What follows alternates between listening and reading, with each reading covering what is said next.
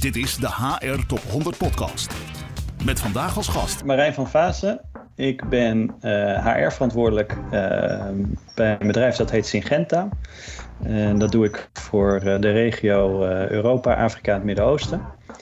En ik werk bij Syngenta sinds 2019. En wat Syngenta doet is, een, het is eigenlijk een zaadveredelaar. We staan helemaal aan het begin van de voedselketen. Onze klanten zijn, uh, zijn boeren en wij zorgen ervoor dat je bij de supermarkt uh, kan kopen wat je, wat je wil. Dus uh, tomaten, ui, aardappelen, maar ook tarwe en mais en alles wat je kan verzinnen. Bloemen ook, zei je? Bloemen ook nog. Ja, die kun je ook bij de supermarkt krijgen. Zeker. Je zegt het goed. Het Syngenta is eigenlijk uh, opgedeeld in vier verschillende disciplines. Uh, enerzijds gewasbescherming, uh, de field, zogenaamde field crops, dus zoals tarwe en mais, groentezaden, tomaten, ui, komkommer, alles wat je kan bedenken, en, en bloemen. Ja, en hoeveel mensen maken dat mogelijk? Wereldwijd ongeveer 50.000. Zo, en in jouw scope? Europa, mijn... Midden-Oosten, Afrika, zei je volgens mij? Ik denk iets van 1500. Ja. Oké, okay. alright. Um, ja, en nou hebben wij elkaar voor het laatst uh, gesproken in, uh, in 2018. Dus het is alweer een behoorlijke tijd uh, terug. Wat is er veranderd sinds die tijd? Nou, sinds die tijd uh, heb, ik een, uh, heb ik een boek geschreven en ik ben van baan gewisseld. Dus uh, dat was in, in, 2000, in 2019 dat ik ben, ben geswitcht. En dat je dus hier terecht dat, bent gekomen? Dat ik hier weer terecht ben gekomen. En dat boek schrijven, dat heeft ook een beetje te maken met het feit dat ik 40 ben geworden in de tussentijd. En inmiddels over de 40. Dus... Um, Nee, zeker. Een hele boeiende, boeiende tijd. Ja. en waar kwam dan die behoefte vandaan? Je wilde iets nalaten. Ja, ja, precies. Ik denk dat het iets te maken had met een soort van early uh, midlife crisis. uh, ik, uh, ik, ik, ik, hou van dit vak. Ik, uh, ik denk HR is het mooiste beroep wat er, wat er bestaat. En, en het, voor het overgrote deel van mijn carrière zit ik in HR. Dat is nu bijna 20 jaar. En um, inderdaad, ik, ik, wilde gewoon heel graag iets, iets kijken of ik iets tastbaars kon, uh, kon achterlaten. Zeker omdat ons, ons vak soms wat uh, abstract uh, wat is. Um, en toen ging ik nadenken van nou, wat de uitdaging van, een, van iets opschrijven vond ik ook leuk. Om te zien of ik dat dan, dan kan. En op een manier dat mensen dat leuk en boeiend vinden om te, om te lezen. Toen dacht ik, um, nou, waar, waar, waar, moet dat dan over gaan? Nou, dat was dan duidelijk dat dat HR moest zijn. Maar dat vak dat is zo ontzettend breed, zoals jij ook weet. Um, met, soms ben je jurist en soms ben je psycholoog en soms ben je een financieel persoon, comp en ben, uh, payroll, learning and development. Wat is nou de, de, de rode draad van, van, van ons uh, vak? dacht ik in eerste instantie, nou misschien, uh, misschien wel de employee lifecycle. Misschien is dat een mooie rode draad om, om, om als kapstok om, om, om een verhaal aan op te hangen. Maar dan dacht ik, ja, maar wie, wie zit er nou eigenlijk te wachten op een, op een employee lifecycle? Dat is helemaal niet boeiend. Um, toen dacht ik, waar ben ik eigenlijk teruggegaan? Waarom bestaat HR eigenlijk? Wat, wat, is, wat is ons, ons bestaansrecht? En dan kom ik een beetje, beetje high level. Want er zijn natuurlijk een heleboel verschillende manieren waarop je dat zou kunnen, zou kunnen uitleggen. Um, maar in mijn uh, abstracte denkwereld uh, kwam ik uit op het faciliteren van um, employee engagement, medewerker betrokkenheid of bevlogenheid, hoe je wil. Dus niet echt een goede vertaling. Uh, maar employee engagement. ik denk alles wat we uiteindelijk doen draagt in meer of mindere mate bij aan uh, engagement. Als je payroll te laat is, dan uh, heeft dat een negatief effect. Ja. als, als het op tijd is, uh, niet per se een positief. Het is een soort van hygiene factor, dat hoort gewoon zo. Maar als je bijvoorbeeld kansen voor groei en blijvend leren faciliteert, dan heeft dat een positief effect op engagement. Dus uiteindelijk alles wat je vanuit HR doet, draagt, draagt bij aan engagement. En engagement is belangrijk, want studies hebben uitgewezen dat dat, uh, dat, dat uh, enerzijds het bedrijfsresultaat en productiviteit ten goede komt, maar ook het werkgeluk in algemene zin, minder verloop, minder ziekte. Uh, dus op het moment dat je dat, je dat nastreeft, dan gaat, gaat het eigenlijk soort van als vanzelf goed met, met de standaard KPI's die we, die zeggen, we, die ja. we binnen HR hebben. Je Ja. kan dat dus ook wel kwantificeren. Absoluut, ja. ja. En dat kunnen een heleboel partijen eh, ontzettend goed. Eh bekende zijn natuurlijk eh, Gallup uit Amerika of onze, onze eigen factory uit Amsterdam. Ehm, ja, dus dat, dat, dat leek me dan ja, wezenlijk en, en, en, en, en boeiend genoeg. Dus uiteindelijk is het een soort receptenboek geworden. Een receptenboek voor, met, met ingrediënten voor, voor engagement. Ja. En waarom dan een receptenboek? Heb je misschien ook een passie voor koken? Eh, je kan het niet afdwingen. Dus zelfs als je je partner eh, heel graag wil dat, je, dat hij of zij van je, van je houdt, dan is er niet een soort van magische toverspreuk die dat, eh, die dat mogelijk maakt. En precies hetzelfde is het met employee engagement. Ehm, maar wat je wel kan doen is een setting creëren waarin de vonk kan overslaan. Dus als je een romantisch diner bij kaars ligt met een goed gesprek en lekkere wijn als je daarvan houdt en, en eh, goed eten, dan vergroot dat je kansen eh, dat, er, dat er romantische vonk eh, overslaat. En zo heb ik eigenlijk met dezelfde metafoor in gedachten. wat zijn nou de voorwaarden die je als, als organisatie kan, kan scheppen eh, om, om employee engagement mogelijk te maken? Het is niet een garantie, maar, ehm, maar zeker eh, vergroot, dat, eh, vergroot het je kans. Maar het zou dus een, een blauwdruk kunnen zijn voor, voor menig andere organisatie, hoe groot of hoe klein dan ook. Ja, eh, ehm, het- ik, heb het, ik heb het uiteindelijk eh, opgehangen aan, aan eh, de, de psychologische behoeften van een individu. En die, die zijn, daar zijn heel veel, is heel veel onderzoek naar gedaan, dus die heb ik eigenlijk eh, gestolen of geleend, hoe je, hoe je wil.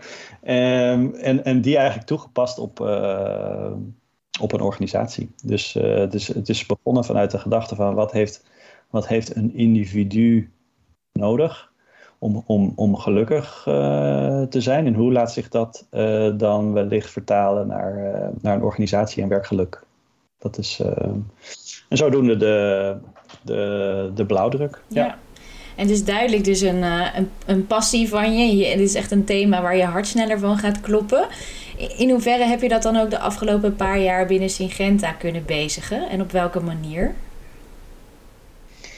Ja, dat is, eh, ehm, het is zeker iets waar ik heel erg eh, gepassioneerd over ben, inderdaad. Ehm, en terugkijkend eh, heb, heb ik eigenlijk altijd bewust of onbewust daar eh, ben ik daarmee bezig geweest. Hè, met, met, het, met het faciliteren van, van engagement. Misschien aan het begin van mijn carrière met, met, met wat minder bewust. Maar als je dan zo terugkijkt en je, je gaat die puzzelstukjes op zijn plek eh, leggen, dan eh, kom je eigenlijk tot die conclusie. En bij Syngenta ehm, was het eigenlijk heel erg leuk, want ehm, ik kwam daar eigenlijk achter dat heel veel dingen eh, al, al goed gingen.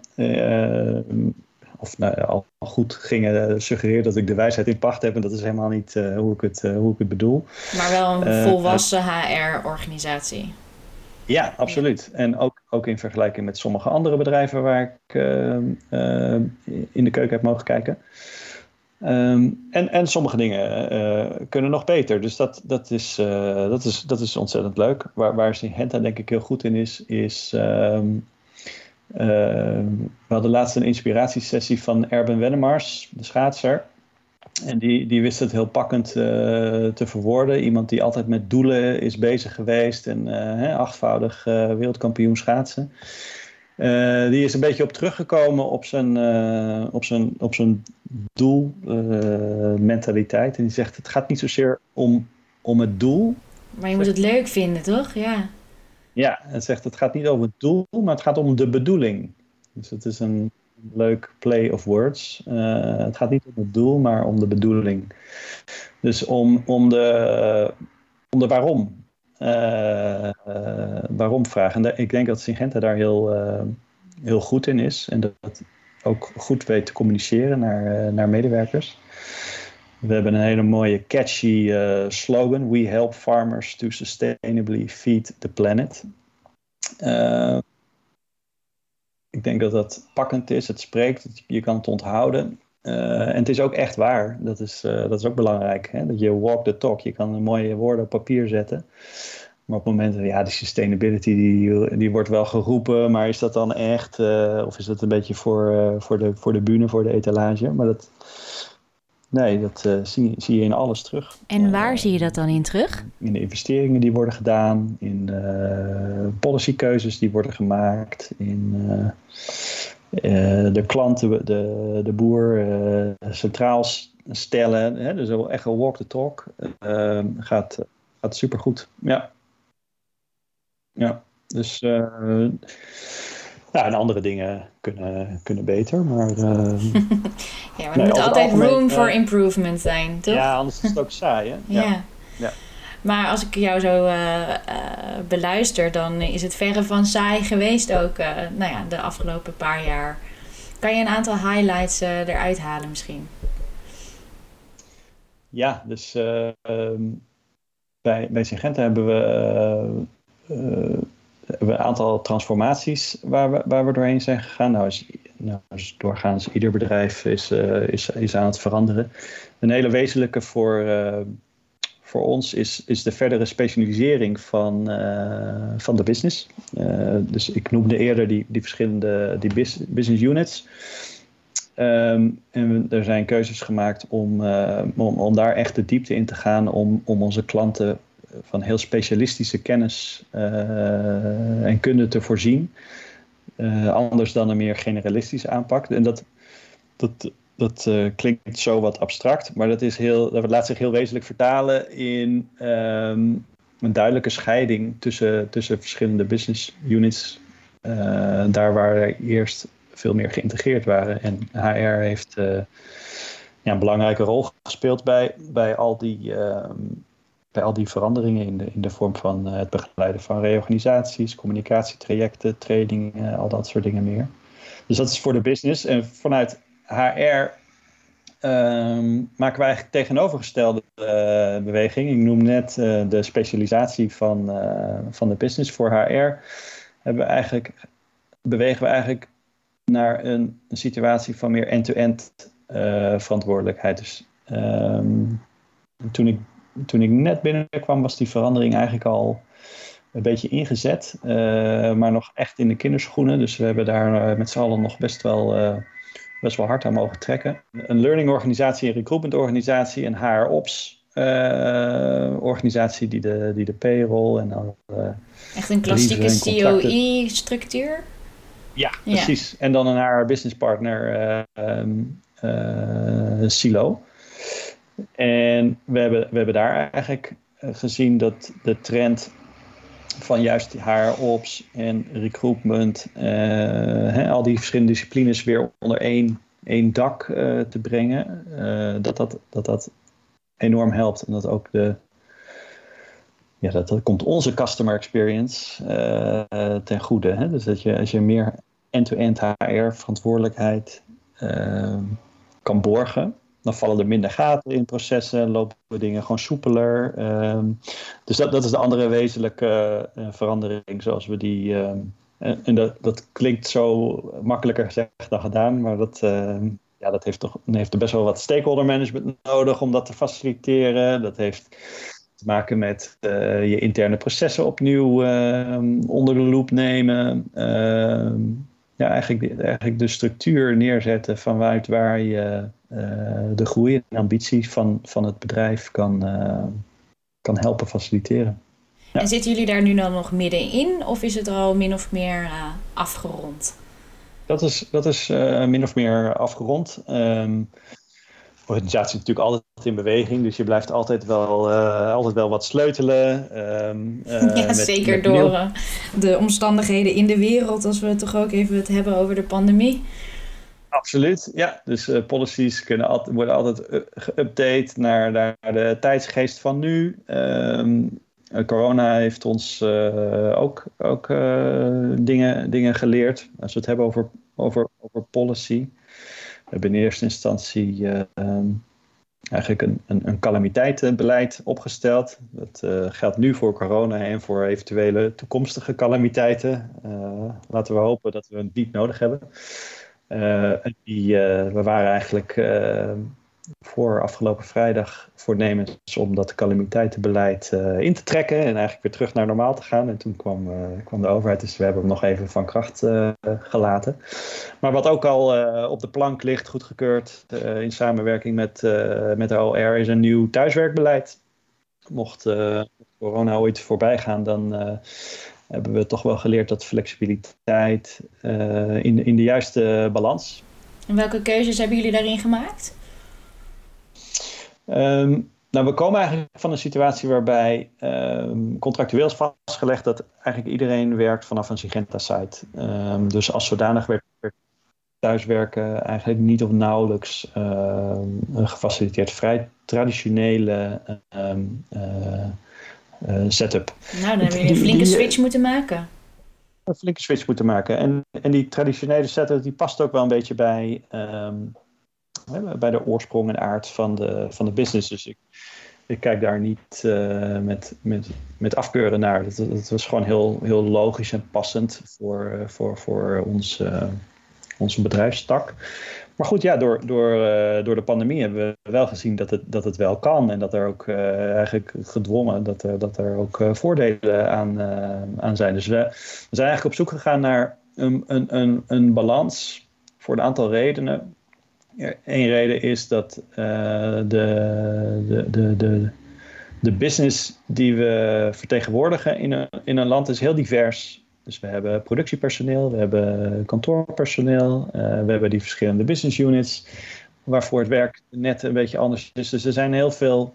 Het is heel lastig om een one size fits all um, te, te, te, bedenken. Dus ja, dat was, dat was één uh, criterium. En de, en de tweede is om toch een optimum te vinden tussen het borgen van uh, bedrijfscultuur, onderlinge samenwerking en creatieve processen. Dat zijn eigenlijk de, de, de, de drie waarvan we zeggen, nou dat is toch echt wel belangrijk om te blijven borgen. Want we zien daar dat er wel gaten vallen op het moment dat iedereen aan één stuk door thuis werkt. Hè, dan je hebt, je toch minder die binding. Uh, creatieve processen zijn ook allerlei software tools voor met sticky notes, digitaal. En, maar het is toch niet hetzelfde. Uh, dus ook daar hebben we gedacht, hè, we willen daar de juiste balans in vinden. En, en, en het beleid dat, we daarop hebben gemaakt, wat nog niet geïmplementeerd is, want daarvoor moet corona eerst, uh, eerst, eerst voorbij zijn, is eigenlijk een, een 60-40 model, waarbij medewerkers kunnen kiezen dat als de aard van het werken toelaat, zijn voorwaarden en als hun leidinggevende goedkeuring geeft, is een andere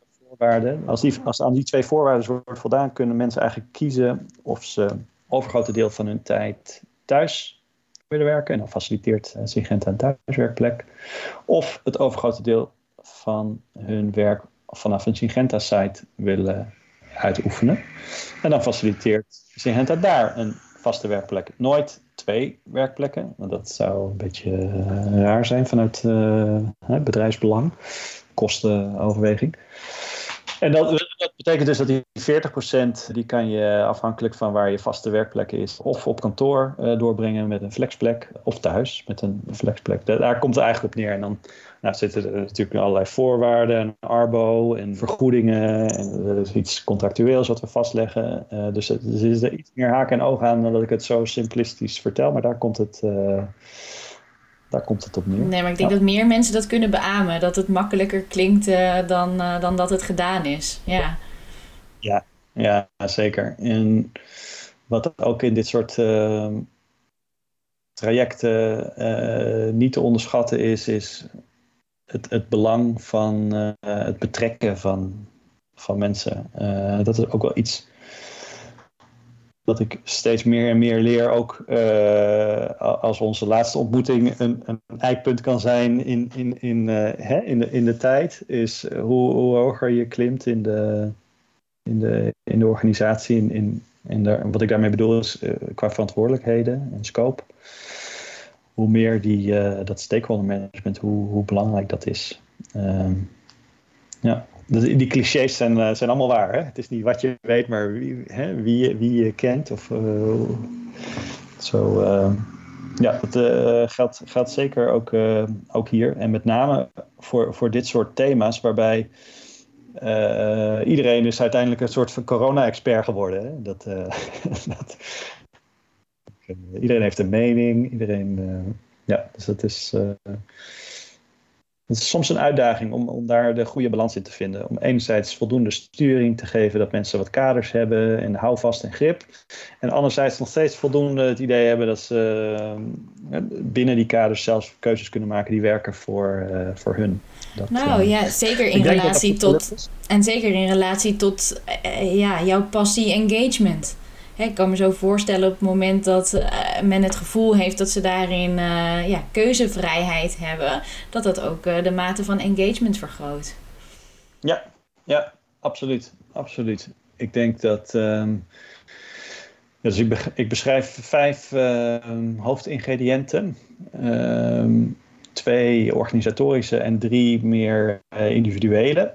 Ehm, en een van die individuele is ook uh, de erkenning. Uh, en daar doet je opmerking me aan denken.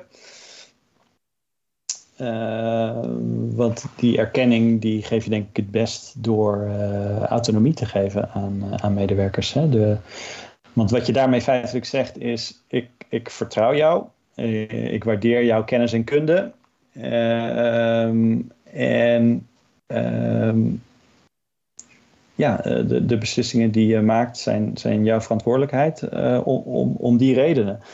En ik denk dat er geen grotere vorm van erkenning is uh, dan dat. Hè? Dus je iemand erkent en waardeert voor zijn of haar expertise en, en, en dus ook de vrijheid van, van handelen geeft.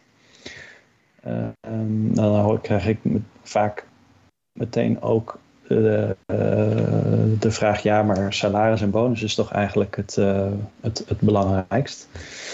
En dat is deels waar, want het moet kloppen. Hè? Het moet fair zijn, intern en competitief met betrekking tot de concurrentie. Tuurlijk, maar, maar de nieuwe generatie denkt daar anders over. Nee, en het is, uh, eerder noemde ik een hygiene factor van uh, salaris op tijd. Maar het salaris überhaupt is, is ook een hygiene factor. Als je nu iemand, als iemand een verhoging geeft, zal, iedereen is blij.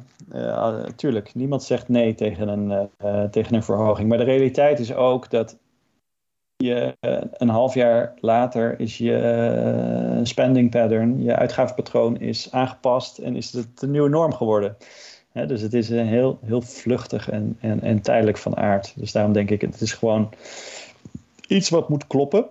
Wat intern fair en transparant moet zijn en extern competitief. En op het moment dat dat klopt, dan, uh, dan doet het eigenlijk niks meer. Dan, dan is het gewoon een soort van is het niet, niet, niet per se een, iets wat mensen meer of minder engaged. Nee, maar dat is autonomie. Ja. Zeker, ja. En nou ja, we naderen eigenlijk alweer bijna het einde van het gesprek, Marijn. Uh, is er nog iets wat je de luisteraar mee zou willen geven? Heb je misschien een toptip? Een toptip? Uh, met het gevaar dat ik hiermee een heel nieuw onderwerp uh, aansnijd. We hebben nog wel vijf minuten. Oh, oké. Dan is dat ehm, de manier waarop we met uh, talentmanagement omgaan. Um, een traditionele manier van talentmanagement. Um, stel je hebt, een, je hebt een talentenlijst en dan wil je die mensen gaan uh, ontwikkelen. Hè? Dan is een hele gangbare manier is de 70-20-10 regel. Waarbij je uh, mensen een, een, project geeft voor uh, ontwikkeling. Hè? Hier heb je een stretch project en dan, dan ga je daarmee mee aan de slag. Dus een meer traditionele manier om, om dat dan in de praktijk door te voeren is je hebt je strategie.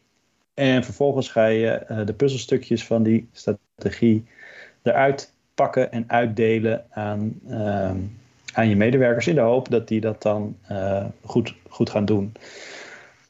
Waar we binnen Sigenta mee bezig zijn, is om dat model een klein beetje om te draaien. Die strategie die is nog steeds daar, die is nog steeds hetzelfde. Maar in plaats van dat we daar stukjes uit pakken als een puzzelstukje en uit gaan delen, eh, is de eerste stap om naar de medewerker zelf te gaan en te zeggen: waar krijg jij nou echt energie van? Wat vind jij leuk om te doen? Waar zie jij uitdagingen waarvan je denkt: daar moeten we wat mee en uh, daar zal ik wat van kunnen leren. En om in die puzzelmetafoor te blijven, uh, zijn dat dan eigenlijk stukjes van een mozaïek. Waarbij de leidinggevende niet aan het uitdelen is van puzzelstukjes, maar de mozaïekstukjes in de strategie aan het passen is van: goh, hier heb ik iemand met een bepaalde passie, met bepaalde energie, met een drive, met een intrinsieke motivatie engagement. Hoe kan ik die energie gebruiken ten behoeve van mijn, uh, van mijn strategie? Dus dat is eigenlijk een soort van bottom-up approach. Nogmaals, klinkt simpeler uh, als concept dan dat het in de praktijk um, wordt. Uh, maar ik geloof hier heilig in. Dat dat de manier is om enerzijds je organisatiedoelen te behalen. Anderzijds mensen iets te laten doen wat ze zelf leuk vinden om te doen. En dus energie voor nodig. Heb je geen motivatietechnieken, carrots en sticks voor nodig. Mensen zijn zelf uh, gemotiveerd. En ze leren uh, en ontwikkelen zichzelf ook nog. Uh, dus dat is eigenlijk een triple win. en daarom is dat mijn tip. Binnen vijf minuten. Zeker Marijn, ja. maar ja, wat je zegt, er liggen natuurlijk ook weer ontzettend veel kansen, maar ook uitdagingen in. Want ik kan me zomaar weer voorstellen dat dit weer heel veel gaat vragen van leiderschap. En nou ja, wat is daar dan weer je visie op? En zo kunnen we natuurlijk nog eindeloos door uh, ja, praten absoluut. met elkaar. maar ik denk mooi om hierbij stilgestaan te hebben bij jouw passie voor engagement. En, en hoe je dat nou ja, weet, weet te bezigen binnen Syngenta. Dus heel erg bedankt voor dit gesprek. Dit is de HR Top 100 Podcast.